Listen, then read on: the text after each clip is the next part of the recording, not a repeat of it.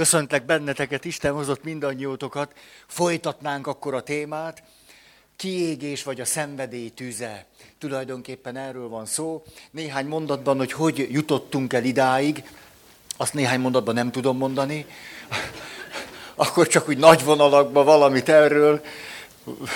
Onnan kezdeném csak, hogy fölfedeztük ezt, hogy a kiégés nem csak a segítő foglalkozásúakat fenyegetheti, veszélyeztetheti, hanem bármilyen szerepünkben lehetséges a kiégés, férként, feleségként, apaként, anyaként, nagyszülőként, házastársként is ki tudunk égni.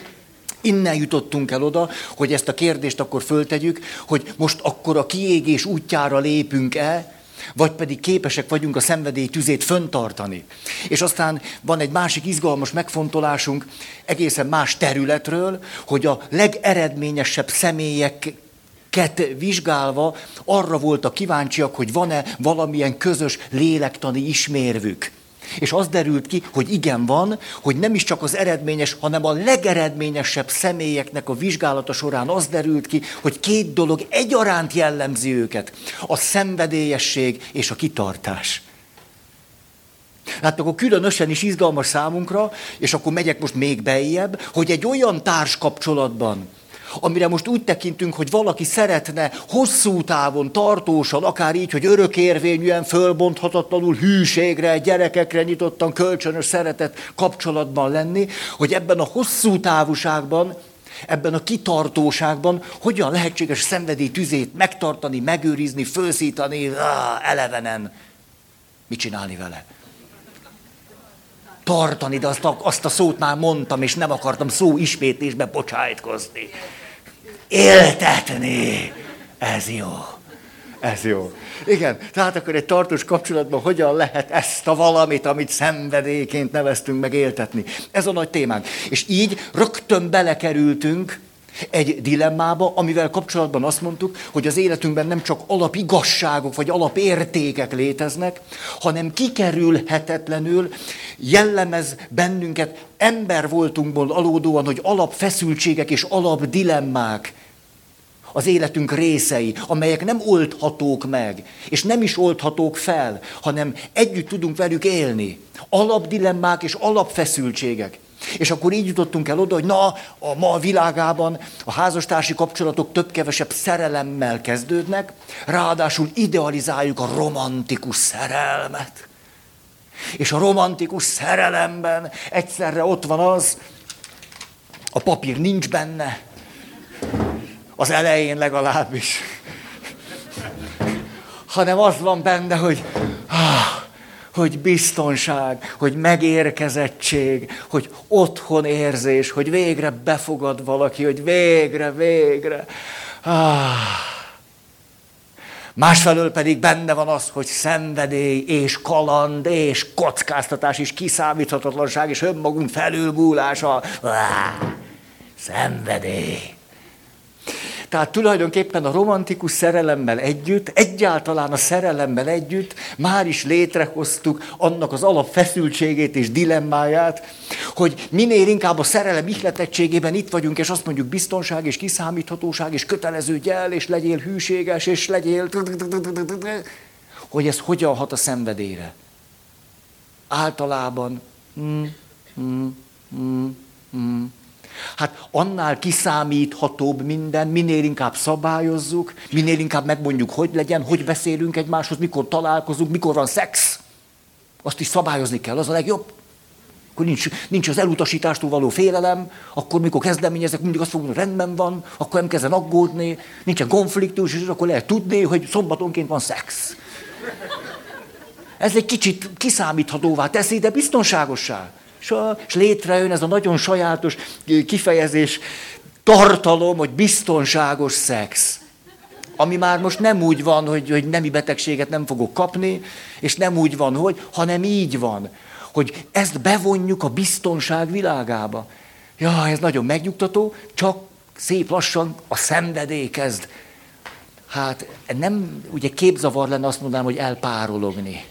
Az nem, de valahogy úgy el, el illan, valahogy elfüstöl. Igen ám, de akkor teszünk lépéseket, hogy jó, akkor legyen szenvedés, legyen kockázat, és legyen ismeretlen, és legyen kaland. Akkor egyszer csak, jó, de hát, ne, hát pont azért házasodtunk meg, hogy révbe érjünk. Hát miféle rév ez? És a kedves ismerősöm jut eszembe, a hölgy azt mondta, Feri, az volt a képzetem, házassággal kapcsolatban, hogy ez, hát ez tényleg olyan, hogy hát amíg egészségedre. Ah, hogy ah, na, ebbe volt életerő. A trüsszentésben van valami kiszámíthatatlan. Szóval, tényleg, a szenvedély tűzi, ez levegő kell. Szóval, ez a hölgy azt mondta, hogy te egész, te Feri, mindig ez volt az én fantáziám, hogy hát valahogy itt bolyongok egyedül, mint egy, mint egy, nem is tudom mi, egy magára maradt kis tutajocska az élet háborgó viharában, és alig várom, hogy egyszer csak valahogy mellém sodródjon egy másik tutaj, és összekössük a tutajainkat. Ez egy jó kifejezés, a tutajainkat.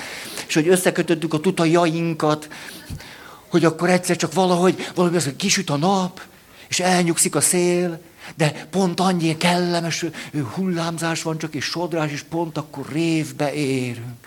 Oh, mi, akik már majdnem hajó törtünk az élet viharaiba, végre megnyugodhatunk egymás mellett, hogy a tutajainkat összekötöttük. Mire azt mondta, rájöttem, hogy ez nincs így. Rájöttem, hogy pont fordítva van. Hogy ez úgy van, hogy amikor házasságot kötünk, akkor, akkor kezdünk el kievezni. Hogy addig egész jól lavírozunk, meg minden lehet úgy, hogy mi szeretnénk. De mikor házasságot kötünk, na az aztán a kockázat. A szerelem kockázat, a házasság kockázat, az életre szóló elköteleződés kockázat, ez a kockázat. Most mentünk ki a nagy viharba. És akkor, na, tehát itt van feszültség, dilemma. És éppen még a szerelem is, amire úgy gondolunk, hogy révbeérés, és akkor biztonság, és megnyugvás, és végre, végre, végre, tulajdonképpen a szerelem belső logikája is nem egyszer a szenvedély ellen hat. Hmm. Mert birtokolni akarlak, legyél az enyém. Muszáj, nélküled nem tudok élni, azok pláne. Hát akkor ne ugrálj, ha nélküled nem tudok élni. És akkor így három csoportot neveztünk meg. Ezt nagyon izgalmasnak tartom. Az egyik, hogy a szerelemnek az ihletettségében fölelevenedik bennünk nagyon sok az anya-csecsemő kapcsolatból. És így létrejön egy kör, és ebből a körből, a belső élményvilágból egyszer csak igényeim és elvárásaim lesznek feléd, mégpedig az, hogy talált ki szavak nélkül is, hogy mire vágyom, de kedved is legyen megcsinálni azt, amit én nem mondok el, hogy arhoz lenne nekem kedvem, de te ezt talált ki, és legyen nagyon kedved hozzá, sőt, semmi máshoz ne legyen annyira kedved, mint hogy ahhoz, amit én nem mondok el, hogy mi. De ehhez legyen a legnagyobb kedved. És csináld meg anélkül, hogy szólok. Mert ha megcsinálod úgy, hogy szólok, az már nem olyan. Ez, ez a világ, tehát a szerelem ihletettségében az anya csecsemő dinamika elevenné válik, csecsemőkorban nem tudok még beszélni, de közben van egy alapvető, nagyon fontos kapcsolat, vannak vágyaim és szükségleteim, nem tudom őket elmondani, de te mégis kielégíted őket. Na ezt kérem. Ez jó lesz így, pont így. Hát ezek az elvárások lesznek a társam felé. Ezért elkezdek rengeteg elvárás, elvárás, elvárás. Hát a rengeteg elvárás nem hat annyira ösztönzően a szenvedélyre. Az se, ha meg akarok neki mind felelni. az se. Ez volt az egyik csoport. Másik csoport, hogy akkor pedig a kapcsolatra vonatkozóan a szerelem ihletettségéből lesz megint egy csomó képzeletem, ez pedig az, hogy a kapcsolat menjen magától. Te fogadj el engem, és hogy kölcsönösen fogadjuk el feltétel nélkül. Nekem ne kelljen ezért semmit se csinálni. Ne kelljen tudatosnak lenni, és ne legyenek benne konfliktusok. Mert ha már tudatosnak kell lenni, és konfliktusok vannak, és még dolgozni is kell érte, hát az maga az ős bizonyíték arra, hogy nem te vagy az igazi. És ez aztán nagyon negatívan hat a szenvedély föntartására. Képzeljük el, ott lobog a tűz, hogy mondtátok, a, a tűz életben tartása, nem? éltetése. Ez szebb. Igen, ez az életben tartás kicsit olyan, hogy Ugye, szóval elájult a szerelmem, és most éppen szájba lélegeztetem, ez nem, nem, ez nem annyira vonzó, tényleg. Ez körülbelül annyira nem vonzó, mint a sírig tartó hűség. Ezzel kapcsolatban nem a hűséggel vannak problémáim, hanem ez a sírig tartó, ez, ez nem ízlik. Ugye? Tehát, hogy valahogy úgy élni, hogy sírig tartó, ez nem. Nem, tehát életre szóló az valami. Tehát, hogy volt akkor az élet? a szenvedély éltetése, de nehezen tanulom ezt meg. Nem tudom, miért állok itt akkor. Akkor a szenvedély éltetése. Ugye, és akkor képzeljük el, hogy ott van a, á, még azért kicsit lobog az a tűz, á, csak azt mondja, hozzá nem nyúlok. Nem, mert ha tudatosan rakok rá egy hasábot, az már nem. Magától égjen. Égjen, rá nem fújok én semmit. Nem magától, és nézem, ott van egy hasába, rakhatnék rá, de nem. Menjen oda. Értitek, körülbelül ennyire irreális ez, hogy akarom a szenvedélyt, rá nem teszek egy hasábot, meg nem fújom, föl nem szítom, ez semmi, csak legyen magát. És hamvad el, hamvad el. Horribile dictu. Hamvad el. Hát de közben a szerelem ihletettségében pontosan azt gondoljuk, hogy magától kellene, cí, magától, magától szítódjék föl, magától legyen még nagyobb, magától ugorjanak rá a hasábok, és magától ne aludjon el, és, de közben ne legyen veszélyes se. Értitek? Tehát legyen tűz, de ne legyen veszélyes egyáltalán. De azért nyílt legyen, de soha semmit ne veszélyeztessen. Ha. Jó? És aztán akkor a szexualitásra vonatkozóan is meg lesznek az elképzeléseink, megint csak a szerelem ihletettségében, aminek a hátterében ott van az anya-csecsemő kapcsolatnak az elevensége, ez pedig az, hogy hát akkor viszont a, a szerelem és a szenvedély tüze, és annak az egyesülése és a beteljesedése hogy történjen? Magától. A pillanat ihletettségében szinte egy ilyen varázslatosan, egyszerűen csak történjen meg. Így. Kimondani is jó. Ne legyen benne semmi tudatosság, csak úgy sodrás is benne vagyok. És ez nem így van, hát akkor már sajnos nem. nem. Tehát az a kájha, amit én rakok meg, az már az nem. Nem, magától fűtsön be, adjon meleget, ennyi. És ahol ehhez a három csoporthoz, tehát látjátok, elvárásunk támad nagyon sok a társunk felé, azután a kapcsolat felé, azután a szexualitásunk felé, a kapcsolatunk felé, a szexuális értelemben vett intimitásunk felé, és azután pedig van egy negyedik csoport, ez pedig kapcsolódik ahhoz, amit mondtam ez a fiatal feleségre, hogy hát úgy legyen örök érvényű, hogy hát leginkább úgy, hogy, hogy akkor az úgy jelentsen megoldást az életemre. Hát azért jó a szerelem, mert akkor találok valakit, és amikor megvan, értitek, mikor megvan, akkor tulajdonképpen az életem megoldódik. Hogy akkor úgy valahogy végérvényesen valahogy rendbe leszek. Az életem akkor úgy meg lesz, és hát megvan, akit kerestem, és most már megvan. És megvan, tehát akkor most már biztonságban, és már nyugalom van, és most Hát tulajdonképpen a, a, az élet neheze ilyenkor már akkor véget ér. Mert hát megvan. Hát ő az igazi, most az igazival vagyok, akkor már na. Ez a negyedik csoport. Hogy akkor a szerelemtől pedig azt várom, hogy akkor az oldja meg az életem. Ahogy egy kedves hölgy mondta, de ezt még három alkalmunként el szoktam nektek mondani, hogy 30 éves koromig azt gondoltam, hogy a pasi hozza a boldogságot ez ez. És ha meg lesz a pasi, boldog leszek, révbe érek, és az életem meg van oldva. Persze lesznek még nehézségek, de hát azokat együtt minden nehézség nélkül, egyedül az élet nehéz, de együtt, együtt, na. Hát együtt. Hát ha vált válnak vetve, nincs az a nehézség, amit ne tudnánk átmenni, mint kés a vajon.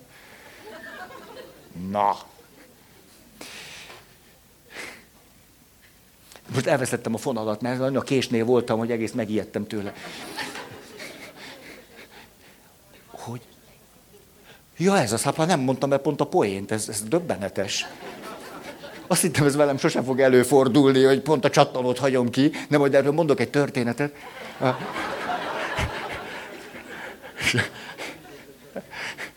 És akkor 30 évesen az ifjú hölgy egyszer csak jött, de nagyon boldognak tűnt. És azt mondja, rájöttem, hogy nem így van, nem a pasi hozza a boldogságot, hanem a boldogság hozza a pasit. Ehhez egy igazi nagy fordulat. És emlékszem, amikor papnövendék voltam, ez a történet, ami eszembe jutott, volt egy papnövendék társa, most már ó, ó, doktorált, meg minden, nagyon okos.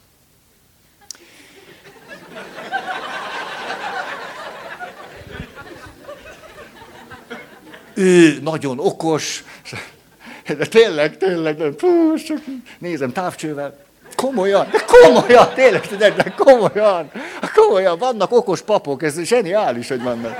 Vannak, vannak, vannak.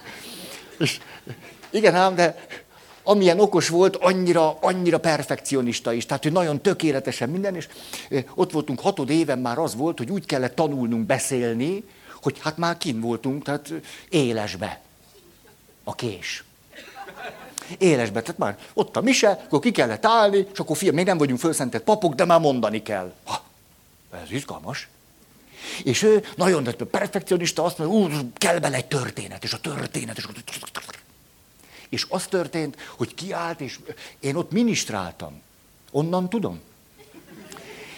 És akkor mondta, és föl volt építés, volt bevezetés, akkor tárgyalás, és a, és a tárgyalásnak az, ment a csúcspont felé, és ment a katarzis, a történet, és, és ahol ott úgy, úgy, ez a mondat lett volna, hogy tehát a boldogság hozza a pasit, azt elfelejtette. Elfelejtette a történet csattanóját, ezt képzeljétek el. És ott át, és csend. Fél perc csönd. Volt, akinek ez nem tűnt föl, voltak elmélyült lelkek, akiket ez egyáltalán nem hozott zavarba. De akik úgy figyeltek, azoknak föltűnt, hogy ez talán nem a beszéd része. És aztán fél perc után, hogy egyszer nem jött, de képzeljétek el, hogy a tudattalan közbeszólt, nem engedte meg neki, hogy eszébe jusson a saját történetének a csattanója. Hogy ilyen van. És azt mondta, azt emlékszem, hogy ne haragudjatok, itt lenne a csattanó, nem jut eszembe. És vége lett a beszédnek. Szerintem ez nagyon inspiráló, mert mindenki azon agyalt, hogy mi a csattanó. Elmondta volna, kit érdekel.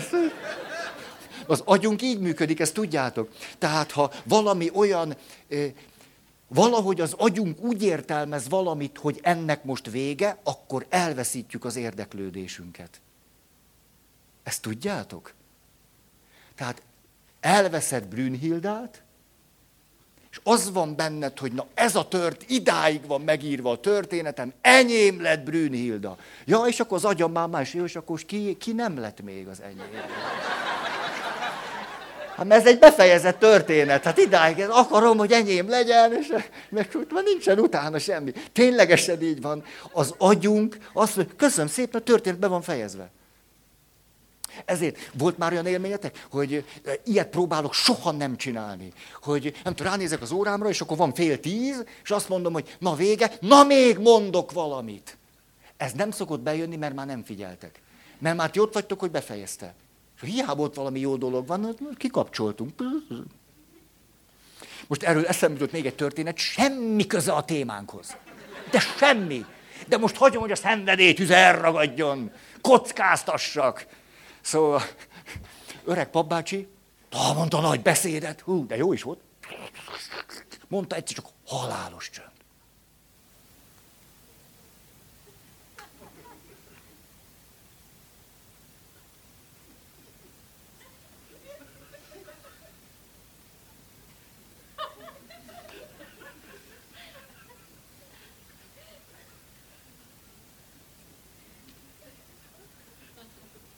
Ezután folytatta, mintha mi se történt volna, és képzeljétek el, hogy lement ez a beszéd, könnyes szemmel egy férfi bement, azért az nagy dolog, egy férfi, könnyes szemmel, azt mondja, atya, atya, ide állok húsz éve, ilyen beszédet még nem mondott, ilyet, az a csönd.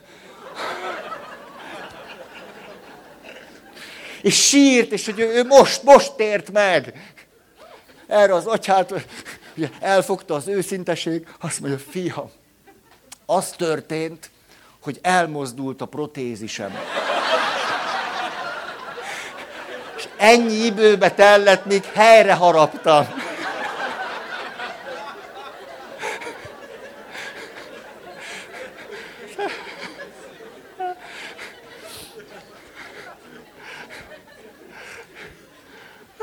Erre mondják azt, hogy Isten mindenből tud valami jót kihozni.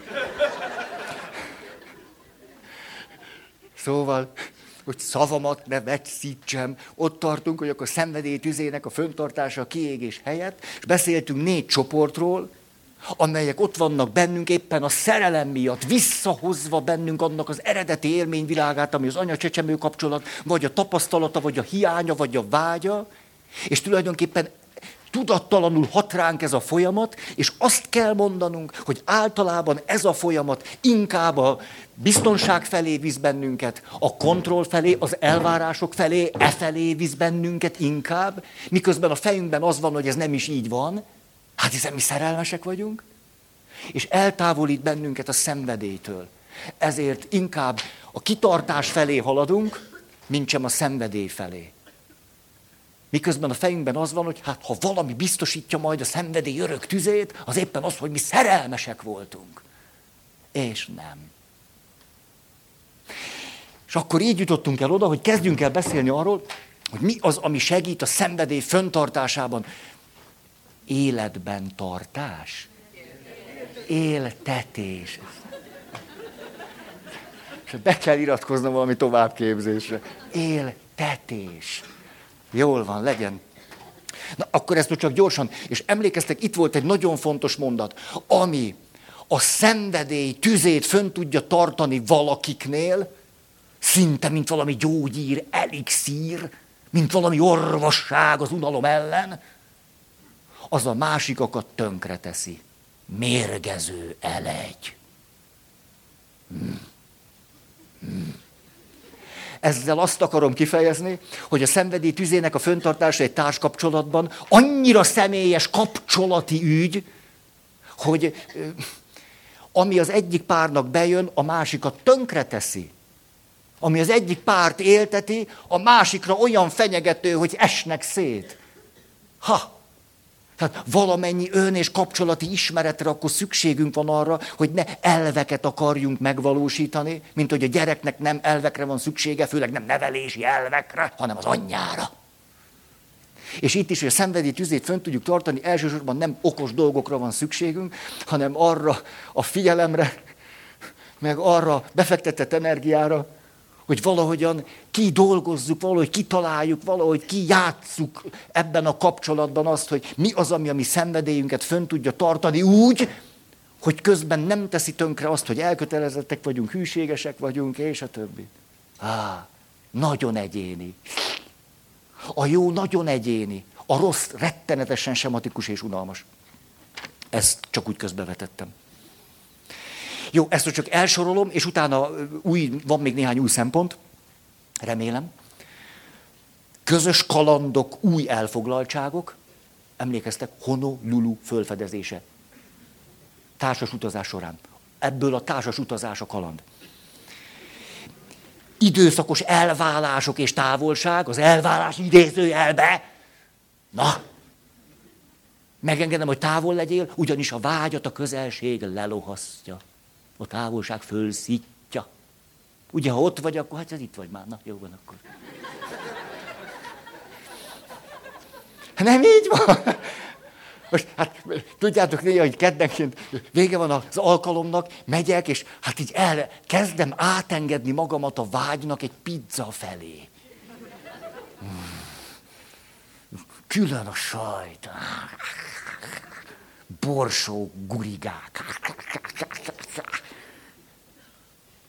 Hát gurigák, nem? Kézzel leszem a pizzát, soha nem követném azt, Onnan tudom, hogy gurigák, mert legurulnak mindig az aktuális kis szeletemről. Ezért, mikor fölállok a pizzavés után, mindig ott van néhány borsó guriga. Ezeket is elfogyasztom. Ez a maximalizmusom. Akkor, ami borsó itt volt, az enyém. Székem nem kap belőle. Jó. Időszakos távolságok, mert az fölszítja a vágyat. De akkor, hogyha közeledünk is, értitek. Ezért lehet valakinek ez romboló. Ezt, Té, Feri atya azt mondta, hogy el kell távolodni. Na, megyek is. Azért mondom, vissza is kell menni. Ha-ho. Tehát ezért nevezzük időszakosnak. Következő. Hát igen, ez tetszett nektek, rögtön mindenki úgy érezte, na ha más nem, ez nekem biztos bejön. Neurotikus egymásra hangolódás. Ez mindegyikünknek jó lehetőség. Hogy valahogy a sebzett részünkkel szenvedélyesen összetartozunk. Sajnos van ilyen. Mond ez neked valamit? Nem a szomszédomnak mond valamit. Neurotikus egybekapcsolódás. Igen, tehát például nekem van egy fölfokozott félelmem attól, hogy esetleg elhagysz. Mert a gyerekkori élményem az, hogy anya néha volt, néha nem. Ezért én bennem van egy fokozott érzékenység. Ezért, amikor te normális mértékben távolodsz, nekem akkor már nagyon kell lesz. Hmm. Ezt nem folytatom. Négy. Kívül történő fejlődés engedélyezés annak, hogy külön világunk is legyen, hogy legyen közös világunk, és legyen külön világunk. És megengedem, hogy te abban is legyél, és ez nagyon izgalmas számomra, hogy van benned mindig valami ismeretlen, valami titok, valami, ami nem teljesen az enyém, ami, amiben nem is vagyok én benne, ez téged jellemez, és ez nagyon érdekes nekem. Ha, következő. Közös külső ügy, hivatás, hobbi vagy elköteleződés aminek neki feszülünk, és együtt valahogy ah, hivatásszerűen toljuk. Az jó. Következő, közös alkotómunka, John Lennon és Yoko Ono. Hát különben nem közös. Na. A másik ügyének, hivatásának szolgálata, az is lehet, akkor én kevesebbet kockáztatok, de az előnyökből részesülök. Na szóval. Következő, közös belső utazás a tudattalan tartalmak világába. Hát ha valami ismeretlen bennünk, akkor az a tudattalan tartalmaink. És mikor valaki szeret a belső világában lenni, föl-föl hozunk ebből valamit, hogy komolyan ez te, te ilyeneket gondolsz, hú, te ezt álmodtad, ez mit jelenthet? Egyeseknek ez nagyon izgalmas. Közösen fölfedezni a belső tudattalan tartalmakat. És abban mindig szokott lenni valamilyen arhaikus rész. Még olyan kultúrálatlan. Az jót tesz a szenvedélynek. A kultúrálatlan részeink. Na. Következő gyermeki éretlen részünkhöz való kapcsolódni tudás. A legjobb, ha én is tudok kapcsolódni a gyermeki éretlen részemhez, és te is. Ha, és akkor a gyerekek rajcsúroznak a hálószobába. Ez a gyermeki rész. És akkor itt történik az, hogy amiről így beszéltem, hogy nagyon félreérthető lehet, azért is mondom, hogy még a gyermek a, a, a tudatosult felelősség előtti világban van. A, minden emberi lény úgy születik, hogy létezik neki felelőssége. De, de az idővel érkezik meg hozzánk, hogy azt elkezdjük tudatosítani vagy megélni. Ezért a szenvedélyhez hozzá tud járulni az, hogy bent vagyok abban a világban, abban a gyermek és önfelett világban, amiben még nem tudatosult a felelősség. És érdekes módon ezt úgy is hívhatjuk, hogy bizalom. És hívjuk is. Valakinél születik öt gyerek, akik nagyon azt mondják, felelősség, felelősség, felelősség, azt mondják, ez felelőtlen. Megkérdezzük őket, azt mondják, hát mi bízunk. Ha. Ezért a szenvedély tüzének föntartásához ha képesek vagyunk ebbe a gyermeki világban is lenni, még a felelősség előtt van, ez nagy bizalmat tud majd adni nekünk a társunk felé, folyamatok felé, a kaland felé, hogy valami történik, nem kiszámítható, nem tudjuk, mi lesz a következő pillanatban, a következő percben, nem tudjuk, de tudunk bízni. És mindez akkor nem romboló, hogyha ezt gyógyítóan, segítően, biztonságot adóan körbeveszi a felelősség tudatunk világa. Mert ide bármikor visszalépünk, és azt mondjuk, hogy hát egyébként felelősségteljesek vagyunk. Emlékeztek, hogy Richard Rohrnak van ez a zseniális gondolata, nem maga találta ki, hanem elemezték a hős mítoszokat, a hős legendákat az európai kultúrából. És akkor ő összeszedte, hogy, hogy a szerelmesnek a kultikus figurája milyen jellegzetességekkel bír. És akkor azt mondja, hát a szerelmesből is van éret meg éretlen. Mi jellemzi a szerelmest, mint ős típust? Az jellemzi, hogy átlépi a határokat. Átlépi a családi ház küszöbét. Ugye, ha valakiben csak a felelősség érzet van, és látom, hogy a szüleim egyre gyöngébbek, azt mondom, hát ne haragudj, Brünnhilda, de nem vehetlek el. Hát engem már köt a felelősségem a szüleim iránt. Ha van apukám, anyukám, él még egy nagymamám, hát ezzel nem lehet vicceskedni, hát egyre gyöngülnek. Nem meri átlépni ezt a határt, ami a családi háznak a küszöbe. Hát ez is egy határátlépés. És benn van valamiféle bizalom, hogy a szüleim majd tudnak magukról gondoskodni. Illetve az, hogy amikor majd nem tudnak, akkor tudok magamban bízni, hogy majd akkor jövök én. Hát ez egy bizalom. Ha csak a felelősség van, nem merünk átlépni határokat. A szerelmes átlép határokat. Ez jellemzi. Igen ám, de az érett és az éretlen szerelmes között mi a különbség? Hogy az érett szerelmes átlépi ugyanúgy a határokat, ugyanúgy, tehát átlépi határokat, mint az éretlen, csak vállalja a következményeit. Az éretlen meg nem. Ez a különbség. Tehát a szenvedély tüzének a föntartásában az, hogy képes vagyok ebben a felelősség előtti gyermeki részemben lenni, nagyon, ez nagyon tutiság. És akkor tudunk hancúrozni. Hát hancúrozni jó, nem? De ezt, ezt a szót ismerem. Ha, hancúrozni. Különben éltetés. Na, megjegyzem a végére. Hancúr. És azért merhetek hancúrozni veled, mert közben meg képes vagyok bármikor a következményeket vállalni, a felelősség világába vissza tudok lépni. És megvan ez a szabad mozgásom, hogy itt is tudok lenni, meg ott is. És itt is, és ott is. Ah. Aha. Oké.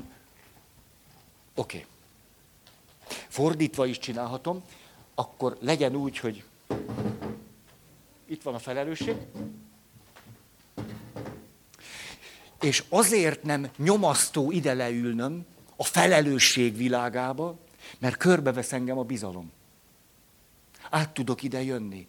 Ezért, ha valaki csak a felelősséget éli meg, hát akkor ki nem mer lépni az utcára. Hát akkor hogy tud megműteni egy másik embert? Hát hogy meri kinyitni a száját? És annyira emlékszem, egyszer jött hozzám valaki, és úgy beszélgettünk egy nagyot, én benne voltam, azt mondja, te Feri, én ezt el nem tudom képzelni, hogy neked hogy van ez bátorságod. Hát itt emberek jönnek ide, te ezt fölfogtad. Emberek! Az életüket hozzák, te meg csak itt ücsöröksz. És akkor tényleg elgondolkoztam ezen, hogy micsoda... És arra jutottam, hogy ezzel kapcsolatban rengeteg bizalom van bennem, itt, itt, itt sok bizalom, ezért a felelősség nem nyom agyon. De például nem mernék orvos lenni. Mert ott úgy érezném, hogy ez a felelősség túl sok rajtam. Én nem mernék orvos lenni. Nem, nem mernék. Hát sok minden más sem mernék lenni. Következő. Szerepgazdagság kölcsönös megélése. Ugye a szerepgazdagság, hogy tudunk demokratikus szerkezetben lenni és hierarchikusban. Meg tudjuk engedni azt, hogy kooperálunk, egyenlőség van, társak vagyunk, szuper. És néha meg te vagy fölül, én meg alul. Aztán csere.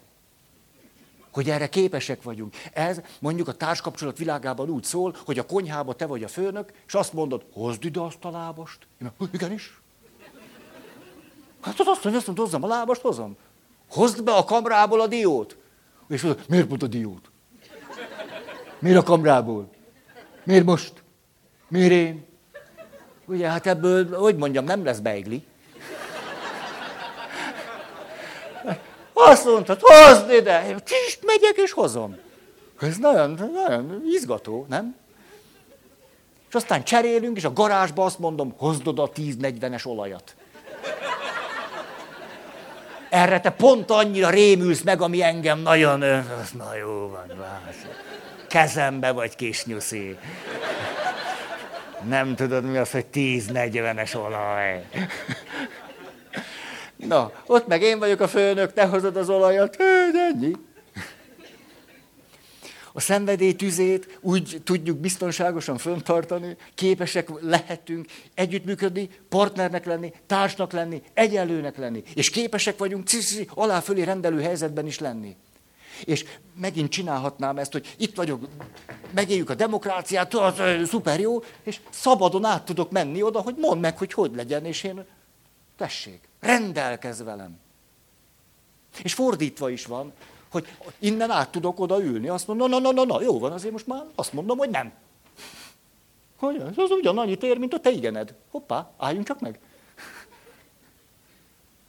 Na jó. És az, hogy mind a kettőt igyekszünk elsajátítani, ez hoz egy izgalmat. Hát most nem tudjuk előre megmondani, hogy itt leszünk, vagy ott leszünk, most ide akarsz lépni, vagy oda akarsz lépni, most ez esik neked jól, vagy az. Lesz egy jó dinamikája annak, hogy... És közben pedig kiszámíthatatlan lesz, de olyan értelemben biztonságos, hogy mind a kettőben, mind a ketten jól tudunk lenni. Ezért nem ijedünk meg attól, hogy itt egy állandó valami lesz. Ha. Következő.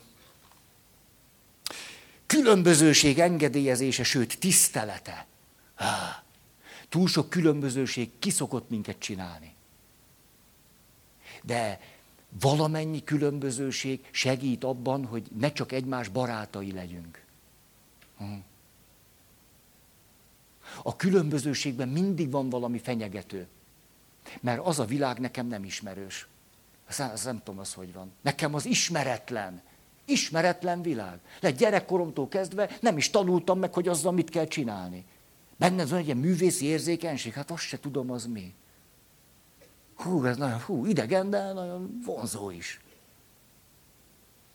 Megyünk tovább. Közös titkaink.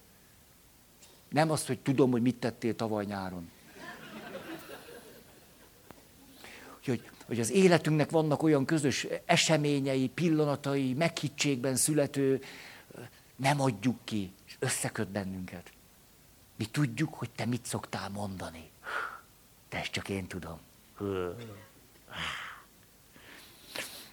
Ezt nem részletezem. Közös játék és küzdelem. Ó, oh, ezt sem részletezem, hogy legyen új téma. Következő. Látványos veszekedések és indulatok. Hmm. Itt azért meg, tennék egy megjegyzést, hogy van akiknek például, ahogyan konfrontálódnak egymással, abban van egy szabadságuk megmerik engedni, nem érzik, hogy ez fenyegető lenne a kapcsolatra nézve. Tehát oda kiabálni, ezt menj át, és ebben valahogy szabad teret engednek a tűznek. Ilyenkor fújják. És ha van köztük valami kölcsönös, kimondott, vagy kimondatlan megegyezés, hogy ez nem fenyegető rájuk nézve, hogy ez sosem jelenti azt, hogy nem szeretlek, csak meg, megvan ez, ez föntartja a szenvedélyt. De persze olyan is lehet, hogy valakik a szex helyett veszekednek. Nem ritka. Annyira fontos lehet a szenvedély, vagy hogy történjen legalább valami, hogy ezért nem egyszer veszekedést provokálunk. És akkor olyan is van, csak úgy mondom, hogy veszekedést provokálok a szex helyett. És akkor, na, jó van, na, jó van, még, még tart a kapcsolat, akkor jó éjszakát. Nincs még nagy baj, még tudjuk egymást idegesíteni. Tényleg, olvastam egy könyvbe, hogyha már jön az unalom és az elhidegülés, akkor már nagy baj van. De még látom, hogy izé, kimentél hányni, akkor jó van.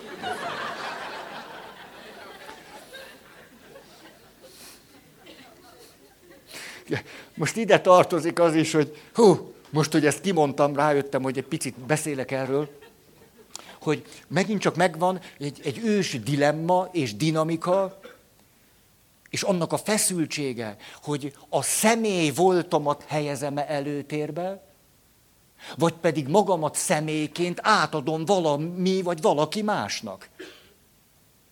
A személyesség, illetve így mondanám, most megint csak kihegyezve, a személytelenség közti dinamika. És képzeljük el azt az orvost, az meg kell műtenie valamelyik barátját. Ha nagyon a személyességet veszi előtérbe, megremeg a keze. Azt mondja, hát ez egy vakbél. Hát ez mi közön van nekem ez, ez egy vakbél, egy ilyen kis izé, béldarab. Hát hogy már ne bánjak el egy béldarabból. Egy béldarabot úgy mettek el, ahol kell, úgy, úgy, úgy, úgy. Nem? Hát egy béldarabról beszélünk, mit, mit aggódnék? De azt mondom, hogy ez a barátom, ennél még rosszabban, a híres hegedű művész, most műtöm a híres hegedű művészt, értitek? Azt se látom, hol a vak bele hogy az életünk során tulajdonképpen folyamatosan van egy feszültsége annak, hogy a személy voltunkat éljük meg, és azt helyezzük előtérbe, és akkor, ah, ez akkor jön az emberi méltóság és tisztelet, és ez gyönyörű szép. De közben pedig mi magunkat is nem egyszer személytelenítjük, a szónak most jó értelmében nem elveszítve azt, hogy bármikor visszaülök a személy voltomba. A szenvedély tüzét biztonságosan azt tudja föntartani, hogy képes vagyok erre a személyesség és személytelenség közti feszültségnek a kreatív megélésére. Hát, mondjuk leülök valakivel beszélgetni egy órán keresztül, mint hogy nem csinálom, mert na. Én, hát ott is magamat egészen háttérbe helyezem. Nagyon tudatosan ott vagyok, bármikor a személy voltomhoz vissza tudok találni, de minden figyelmemmel ott vagyok. Hát nem mindennel, de főleg ott vagyok, ott vagyok, és ott vagyok, és ott vagyok. De bármikor vissza tudok jönni magamhoz. Mert nálam is fontos dolgok történnek. De azért mégiscsak ott vagyok kín. És ha, a, mikor átadjuk magunkat ügyeknek, ugye éppen talán tegnap, vagy tegnap előtt reggel hallottátok talán ezt a történetet, két biztonsági őr, óriási bátorsággal egy csőre töltött gépkarabéjjal, egyik őrt fogva, fogva tartó valakit lefegyvereztek.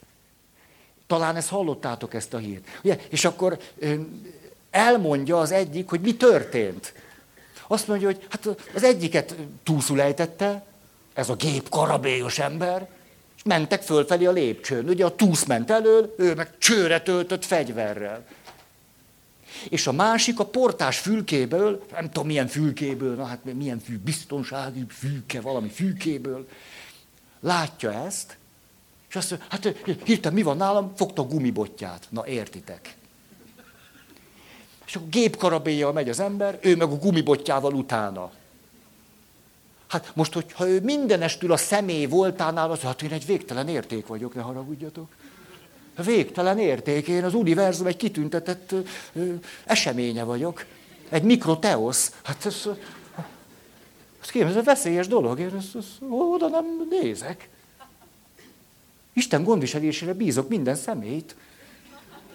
Ez fogja a gumibotot, megy után, és azt mondja, hogy kezdtek elérni egy ajtóhoz, aminél pontosan lehetett tudni, hogy ott, ott, ott vége ennek, tehát vagy odáig ér, vagy nem, és azt mondta, volt három méter, de hogy a lépcsőt, a lépcső nem tudsz oda ugrani, vagy nem tudom mi, tehát korlátozott azt, hogy elér. Azt tehát rájöttem, hogy utolsó pillanat, hogy valamit csináljak, halált megvető bátorsággal a gumibotot hozzávágta.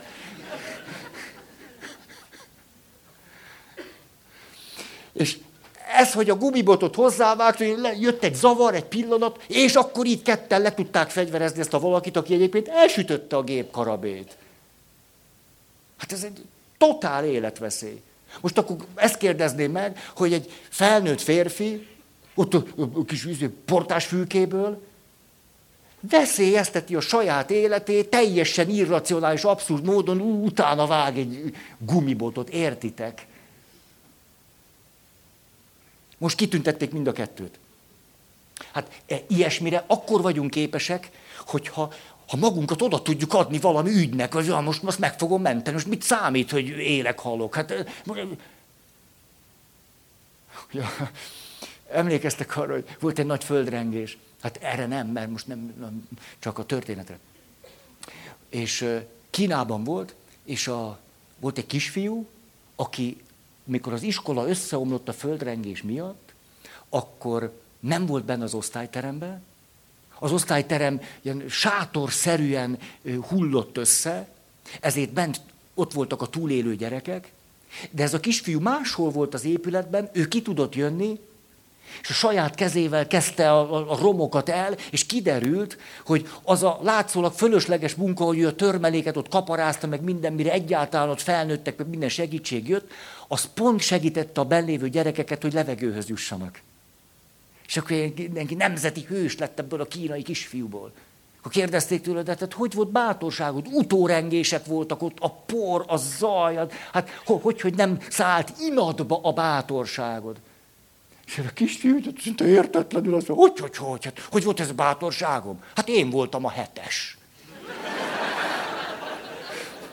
Hát semmilyen információt nem kaptam évelején, hogy földrengés esetén nem, le, nem, nem vagy hetes. Fölfüggesztve. Hogy tehát ehhez el kell tudnom távolodni attól, hogy én és a személyem, most az én és a személy nem ugyanaz, de valahogy ettől a világtól. Most a szenvedély tüzének a föntartása, jellemzi ez bennünket, az a szabadság, hogy tudok személy és személytelen és személy és személytelen, de a személytelen sosem azt jelenti, hogy eltűnik a személy voltam, nehogy ezt valaki félreértse. Mit jelent ez? Úgy is mondhatnám, hogy átmerem adni magamat a vágynak. Ha nem, nem egy kis dolog.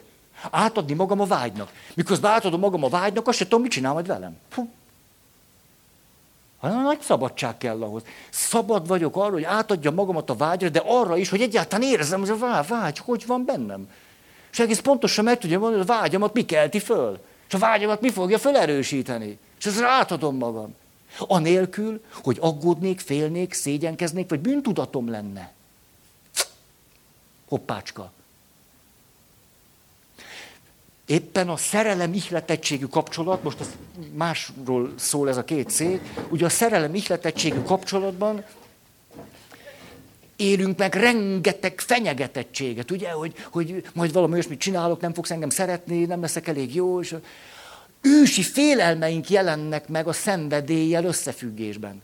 Valami olyasmit mondok, ami ellentétes azzal, aminek magamat gondolom, egyszer csak nem leszek jó ember, nem leszek rendes ember, nem leszek igaz ember, nem, kiderül, nem vagyok az, akiről gondoltam magamat, jön a szégyen, a bűntudat, a szorongás és az aggodalom. És ezt, ezt, ezt akarja a csudaság. Ezt, inkább akkor, de, de hogy adom én át magamat a vágynak, hogyha ilyen rettenetes érzések jönnek belőle, hogy ú, akkor szégy, ú, mit fog szólni. Ha. Egy önfelett szenvedélyes élethez, és ez nem csak a szexualitásra vonatkozik. Egészen nyilvánvalóan fontos, hogy a neurotikus szégyenkezésből, aggodalomból, félelmeinkből és bűntudatunkból kigyógyuljunk. És maradjon az egészséges. Hát, képesek legyünk félni, hát érezzük annak a súlyát, tudunk jót tenni, meg rosszat. De közben ez bekebelez akkor bennünket, akkor azt csinyan, csinyan, csinyan, csinyan, csinyan. Megvan ez az élmény, ugye? Hogy, hogy nem merem magamat átadni a vágynak. És akkor itt egész mérőjövő félelmek és szorongások és bűntudatok tudnak bennünk megjelenni. Hmm. Nem hangzik jól. Hol a papírom? Következő. Igen. Hm. Ketten a külvilággal szemben. Ez is a külvilág fenyegető, és mi küzdünk a külvilággal, ami fenyegető összetartunk. Akkor van fenyegetettség, van izgalom, kiszámíthatatlanság, kaland, van összetartozás. Ah, következő, társunk és magunk önállóságának tisztelete, fölfedezése. Hmm. Itt el, most nézem az órát. Hú. Éltetés. Éltetés, jó? Éltetjük még 20 percig ezt a mai alkalmat, hogy a szenvedély nem önmagában van, vagy önmagában áll, hanem a személyiségünk összefüggésében van. A személyiségünk pedig, a személyünk pedig ebben a kapcsolatnak az összefüggésében valamilyen vagy valaki. Ezt miért hozom ide? Azért, mert akik most így szokták mondani, szexuálpszichológus, szexuálterapeuta, azt szokták mondani, pont ők, hogy olyan, hogy szexuális probléma szinte nincs is. Nincs emberi problémák vannak. kapcsolati zavarok vannak. Személyiségnek a elakadásai vannak, amelyek a szexualitás területén nyilatkoznak meg. Ezért most a szenvedét szeretném abba az összefüggésbe ágyazni, mert azt mondjuk azt hisszük, hogy mondjuk a szex valami technika kérdése, szó sincs róla. Azt tudjátok, hogy melyik a legfontosabb nemi szervünk? Az agyunk. Ha az agyunk, akkor megy. Ha meg, akkor nem megy. Tehát akkor a szenvedély ágyazódik a személyiségünk egészébe. Most akkor hagyj hozzam ide, miután elmondtam, hogy mennyire bénító tud lenni a vágyra az, hogy átadja magamat a vágynak, hát a vágy kifejezésének, azt mondja, vágy diktál bennem, anélkül, hogy bűntudat, szorongás, félelem, szóval miközben nyitott vagyok arra, hogy észrevegyelek és észleljelek téged, és ha azt mondod, hogy nem, akkor ez nekem jelentsen valamit. Tehát, hogy közben meg bizalmat szavazunk valami folyamatnak. De közben én átadom magamat a vágynak. Képes vagyok nem csak neked átadni magam és rád figyelni, hanem a vágyamnak. Ha. Ugye a romantikus, idealizált szerelemben te vagy a legfontosabb. De a szenvedélyhez át kell adnom magamat a vágyamnak. Hűha, ők ez hogy lesz? Azt mondja, én most jöjjön az a vágy. Ellentmond annak az idealizált képnek, amit őrzünk arról, hogy, hogy mit jelent, hogy szerelmes vagyok, és te az enyém, és én a tiéd. Úgy, és mindig rád nézek. De, de ilyenkor, ez, hát ha kihagyom azt a szakaszt, hogy... Ez egy szakkifejezés. Ezt fordítsátok le! Hogy Fritz Riemannnak van egy nagyon izgalmas megközelítése, ő is alapfeszültségekről beszél. Azt mondja, itt most ezt mutatom, és hogy ennek mi a következménye a szenvedély kultúrájára, azt mondja, ez a sok szék.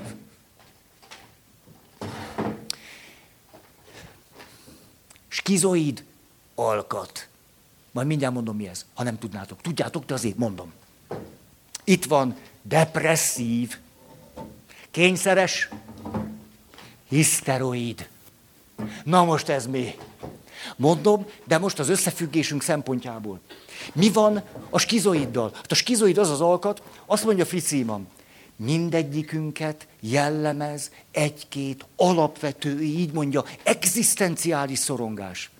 Olyan mérőjövő a személyiségünket alapvetően meghatározó szorongás, ami a személyiségünknek része, sőt a személyiségünket jellemzi is, és valamit alapvetően bennünk kifejez valami alapvető és nagyon mély szorongás és félelem, és nincs olyan, hogy valakiben ne legyen. A különbség csak az, hogy éppen hol jelenik meg. Ki mitől szorong, a szíve, ha nem is a legmélyén, a legmélyén nem szorongunk, hanem előtte egyel. Tényleg, a legmélyén nem szorongunk, előtte már lehet. És akkor azt mondja, a skizoid az a valaki, aki tulajdonképpen attól fél, hogy ha átadja magát, el fogja veszíteni saját magát. Retteg az önátadástól. Ha átadom magam, egyszer csak, csak el, el fogom veszteni magam, egyszer csak eltűnök, megsemmisülök, végem lesz. Nem, nem enged, hát ha van valami, amit nem engedhetek meg, az az, hogy átadjam magamat valami vágynak, és, és az az elsodor, akkor mi? Hát akkor nem tudom, mi lesz, hova, hova hullok. Hát meg fogok semmisülni. Átadni egy másik embernek magamat? Átadni a másik ember vágyának? Az maga, a, a, a rettenetes, félelmetes valami. Nem. Mi a következő? következménye az erotika kultúrájára nézve, szexuális vágy kultúrájára nézve. Az, hogy, hogy beszélt nagyon szépen úgy a szenvedély föntartása, meg minden, de én bennem akkor van egy alapvető mély félelem, hogyha átadom magamat a vágynak, ami belül van, átadom magam neked, aki te kívül vagy, elvesztem magam. Hát ne haragudjatok, ezt nem engedhetem meg magamnak. Ezért én nekem mindig, én mindig a tudatosság, inkább Nekem muszáj tudatosság, muszáj határ tartani. Én én vagyok, és te te. Nehéz úgy egyesülni, hogy én azt mondom, hogy nekem mindig meg kell magamat őrizni. Különben elvesztem magam. Tehát szó se lehet róla, hogy engem valami elsodorjon, valami magába kaparincson vagy öleljen. Nem, nem, nem, én tartom magam. Ezért miközben mennénk előre a szexualitásnak, vagy a szenvedélyességnek a világába, én bennem tudattalanul is megjelenik ez a félelem. Na, na, na, na, na, na, na, na, na. Ha föl fogsz oldódni, te nyomorult, eltűnsz, mint a, mi az? A kámfor, én nem arra gondoltam, hanem a kalcium szandozra. Sajnálom, ilyen földhöz ragadt vagyok. Átadom magam a szenvedély tüzében neked, és föloldódok, mint a kalcium szandoz. És akkor értitek, még van egy kicsi bennem, oldottatok már föl kalcium szandoszt. Azért az félelmetes, ha te vagy az. Kívülről nézni röhelyes, nem a nézel, hogy buborékó, meg minden, most mindjárt megiszom, ugye? Na de lennél te a kalcium szandoz. És akkor hogy érzed, hogy hogy fogsz, fogysz el. Nem örülsz neki, hogy most adom át a lényegemet a víznek. Aha. Ponton túl teljesen benne leszel a vízbe, te kis nyomorult szandoszka. Ez azt jelenti, hogy persze rengeteg mindent mondhatunk a fejünkkel, hogy hogy tudjuk a szenvedélyt föntartani, de ha én egy skizoid alkat vagyok, éppen minél inkább megyek a beteljesedés felé, önátadás a saját vágyam, önátadás neked, önátadás a te szenvedélyed, hogy vágyad felé, annál inkább élhetek meg egy belső szorongást. És nem is nagyon van a kezemben. Hát megtörténik velem, ha akarom, ha nem. Ez a személyiségfejlődés elejére utal engem. Úgy, hogy a szerelemben az anya-csecsemő kapcsolat lett eleven, itt meg a személyiségfejlődésem első kezdeti időszakának az élményei válnak elevenni. Hm, hm, hm. A megsemmisüléstől való félelem nem egy apró cseprő félelem. Felejtsd már el, vagy most ne aggódj. Hát ki az, aki nem aggódik attól, hogy meghal? Meg vége. Földi pályafutásnak. Sérik, sérik. Ez az egyik. Mi a másik? Ennek a kiegészítő párja a depresszív alkat. A depresszív alkat mitől fél? Ami meg fog jelenni a szerelem, szexualitás, szenvedély kultúrájában, világában. Mitől fél? Attól, hogy maga legyen. Mert ő benne állandóan ott van, másik hozza az életet, másikhoz tartozni, a kapcsolat a legfontosabb, nem veszíthetlek el. Te nélküled nem tudok élni, te vagy az én szerelmem, örök hűség, ha, jaj, nem menj messze, maradj itt, szeress engem, el ne távolodj, nélküled nem az vagyok, aki vagyok, legyél velem, te hozol ki belőlem minden jót, amiről téged ismerlek, te vagy a legjobb dolog, ami történt az életemben. Ismerjük ezeket, nem? Ha azt lehetne mondani, hogy nagy valószínűséggel a ti zömötök is depresszív. Vagy skizoid, de ez most mindegy. Jó, annyira rémülten néztetek rá, hogy legyetek skizoidok. Most ne, nem tudom, ez jó híre nektek, a skizoid, aki előbb megsérül. A depresszív később sérül.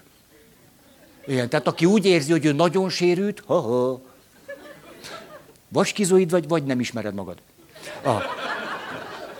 Most ez tehát a depresszív, ugye megvan, a depresszív az a valaki, hogy amikor úgy, ugye tudjátok, az a például, hogy otthon vagy a gyerekekkel, és elő, na jó, tehát itt vagyok én kislány, és akkor van apa, van anya, van hugi, és akkor otthon vagyok, és család, és család, és akkor az a képzetem, hogy innen már is át katapultálom magamat egy férfivel való házasságba.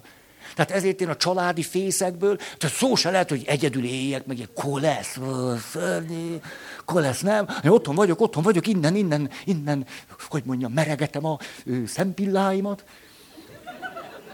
Hát még mit meregessek? Azt meregetem. Hát meregethetném a teát is reggel, de nem hiszem. És egyszer csak engem valaki észrevesz, hát az én Dezsőm.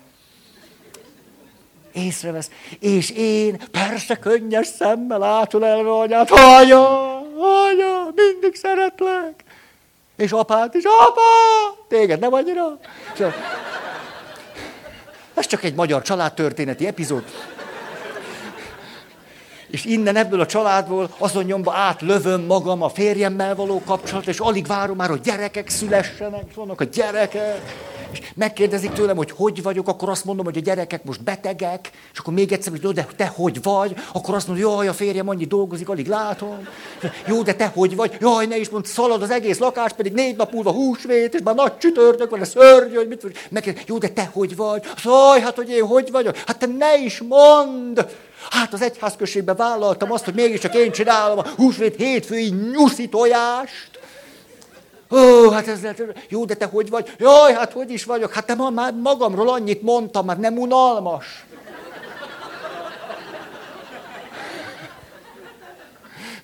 Szóval ő teljesen benn van a kapcsolat világában, most visszarendezem, a színeket elfelejtettem.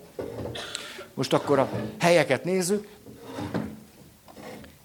Most pillanatról, hogy most kívülről nézem magam, meddig ben voltam, hogy de tényleg, hát, hogy soha senkit nem akarok bántani. Most, hogy ezt lefestettem, nem az, hogy gúnyolódok a depresszív embertársaimon, de hogy gúnyolódok. Hát csak látom, milyenek vagytok. Ah. Ezt,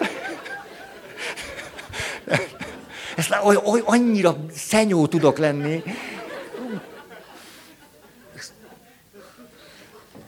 Jó van, majd önvizsgálatot tartok, mikor nem vagytok ott.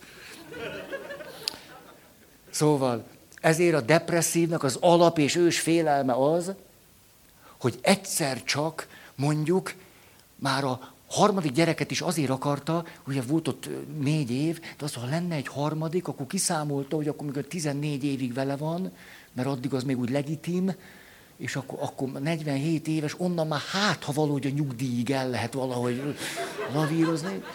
És hogy tulajdonképpen ott van benne ez a szorongás, hogy egyszer csak úgy a talpára kell állnia, ő neki hogy ő neki, hogy a férje nem lesz ott, és az apja se, és az anyja se, és a gyerekek se, és senki, és egyszer csak ő áll majd ott, a, ott, ott fölvette egy cég, már persze diplomája van. Hát okos.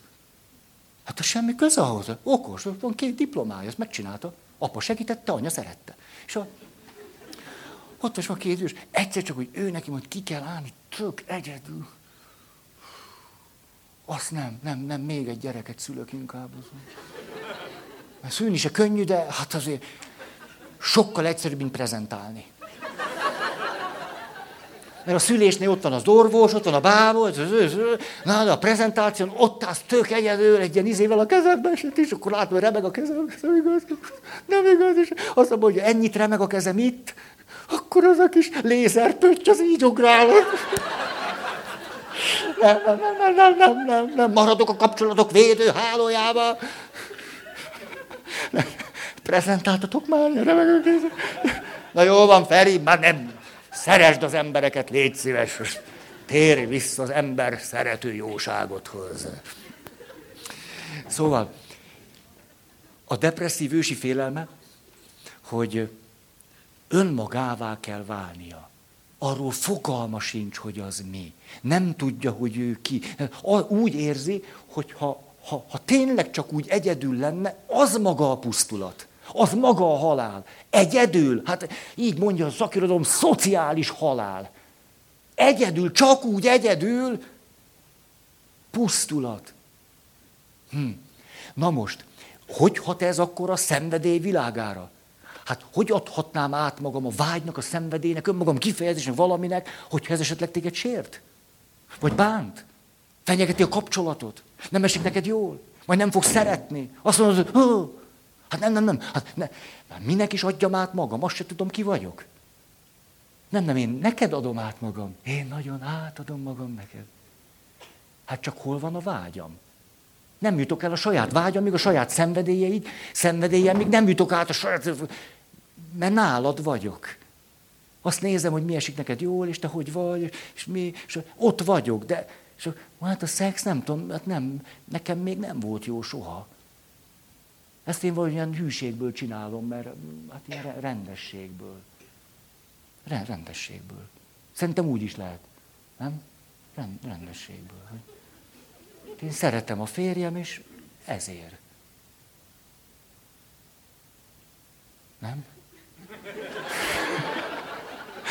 Valahogy nem segítetek a mai előadás során. Mindig csak néztek, néztek olyan követelőzően. Egész ijesztő ám ez. Tehát, ha minél inkább depresszív vagyok, annál inkább nehezen adom át magamat a saját vágyaimnak, és főleg azoknak a vágyaknak, képzeteknek, fantáziáknak, amikhez kapcsolódik valamennyi szemételenség, vagy szemétlen, és annak a fenyegetése, hogy akkor majd mi lesz utána. Hát egy életet akarunk együtt élni, hát akkor inkább legyen biztonság. Hát egyszerűen nincs a kettő közös nevező, hát túl sok a, a kockázat benne. Nem éri meg. Plusz még a félelem. Na, még ezt el akarom mondani, fú, három perc alatt nagyon durva lesz. De minden, hogy belehúzunk, aztán nem érdekes, ha nem értitek meg. Azt mondja. Harmadik, itt ül a kényszeres. Na a kényszer, hát ő mitől fél? A kényszeres alapvető félelme, hogy a dolgok megváltoznak. Hogy jön valami új, valami váratlan. Hát ez eleve a szenvedély ellen van. Eleve a szenvedély számára, bú, tuk, tuk, tuk, tuk, minden. Egy-kettő, egy-kettő, egy-kettő. Minden legyen kiszámítható, és az a biztonságos. Látni való, ezt nem is kell megindokolni. Minél kényszeresebb valaki, annál inkább egyik lépés, a másik lépés, akkor így kell lenni, és úgy, úgy kell. És lehet, hogy ő ebbe elég jól el van, csak a társával mi van. Ugye, mert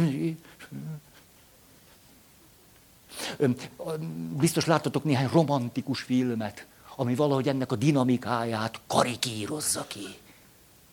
Olyan, minden kiszámítható, és és utána ez a valaki, lehet, hogy esetleg, ezt nem folytatom. Tehát ott van benne ez az ősi, egzisztenciális félelem, hogy ha valami megváltozik, az maga a fenyegetettség. Az maga a rettenet, mert az kiszámíthatatlan, azt nem tudom kontrollálni, az nincs a kezemben, abba el fogok veszni. Belehullok a büdös nagy semmibe. Most legalább tudom, hogy mi, hogy van. És eszembe jutott egy asszony, képzeljétek, meghalt a férje. Azt mondja, egészségedre. Azt mondja, hogy hát, a rosszal se volt jó. Úgyhogy a kapcsolatában nagyon sok nehézség is volt, így fejezte ki a rossz alatt, nem erkölcsi rosszat értett, hanem nehézséget, fájdalmat. Azt mondja, a rosszal se volt jó, de a rossz nélkül még rosszabb. Ezt mondta, a rosszal se volt jó, de a rossz nélkül még rosszabb.